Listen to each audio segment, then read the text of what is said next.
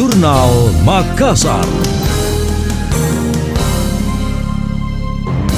Saya Emil Faris dalam Jurnal Makassar. Tim Dinas Perdagangan dikerahkan memantau harga minyak goreng di retail modern. Tujuannya memastikan harga komoditi tersebut sebesar Rp14.000 sesuai dengan kebijakan yang ditetapkan Kementerian Perdagangan. Kepala Disdak Makassar Arlin Ariasta mengatakan, sebagian besar retail modern telah memperlakukan kebijakan satu harga minyak goreng. Namun beberapa toko swalayan beralasan belum mendapat informasi. Pengelola berjanji akan segera melakukan penyesuaian harga. Pihaknya terus melakukan pemantauan terkait distribusi dan proses pemasaran minyak goreng. Hal itu untuk mencegah adanya spekulan yang mempermainkan harga atau melakukan penimbunan. Pemerintah juga menjamin ketersediaan minyak goreng di Makassar tetap aman. Kebijakan satu harga merupakan upaya untuk menjamin ketersediaan minyak goreng dengan harga yang terjangkau. Kebijakan eh, minyak goreng satu harga yang dikeluarkan oleh pemerintah ini merupakan lanjutan daripada bagaimana untuk menjamin ketersediaan minyak goreng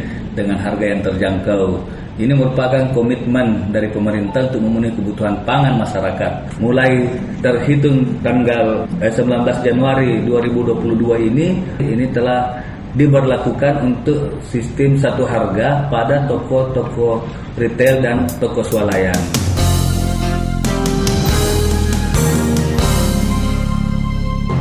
Harga minyak goreng sebelum adanya kebijakan itu berkisar hingga Rp23.000. Penyebabnya kelangkaan bahan baku minyak goreng yang dinamai crude palm oil atau CPO. Anda masih mendengarkan Jurnal Makassar dari Radio Smart FM.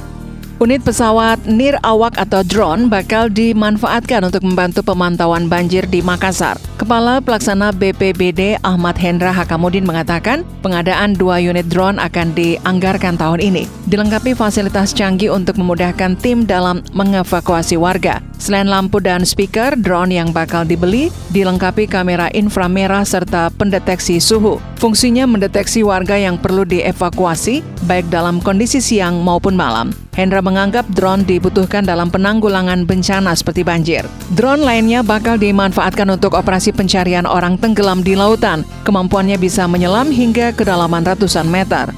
Rencana juga di tahun ini kita akan menambah drone laut kita tahu bahwa beberapa kejadian karena kita memang daerah pantai ya, ada beberapa korban tenggelam, kita juga akan melengkapi dengan drone laut.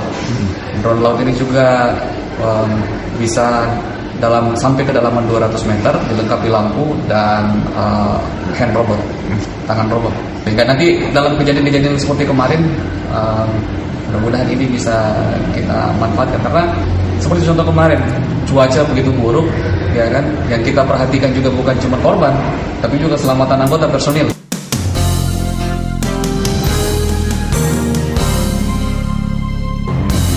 BPBD Makassar belum merincikan besaran anggaran yang akan dibelanjakan untuk drone. Hendra melakukan estimasi kebutuhan sekitar puluhan juta untuk satu unitnya.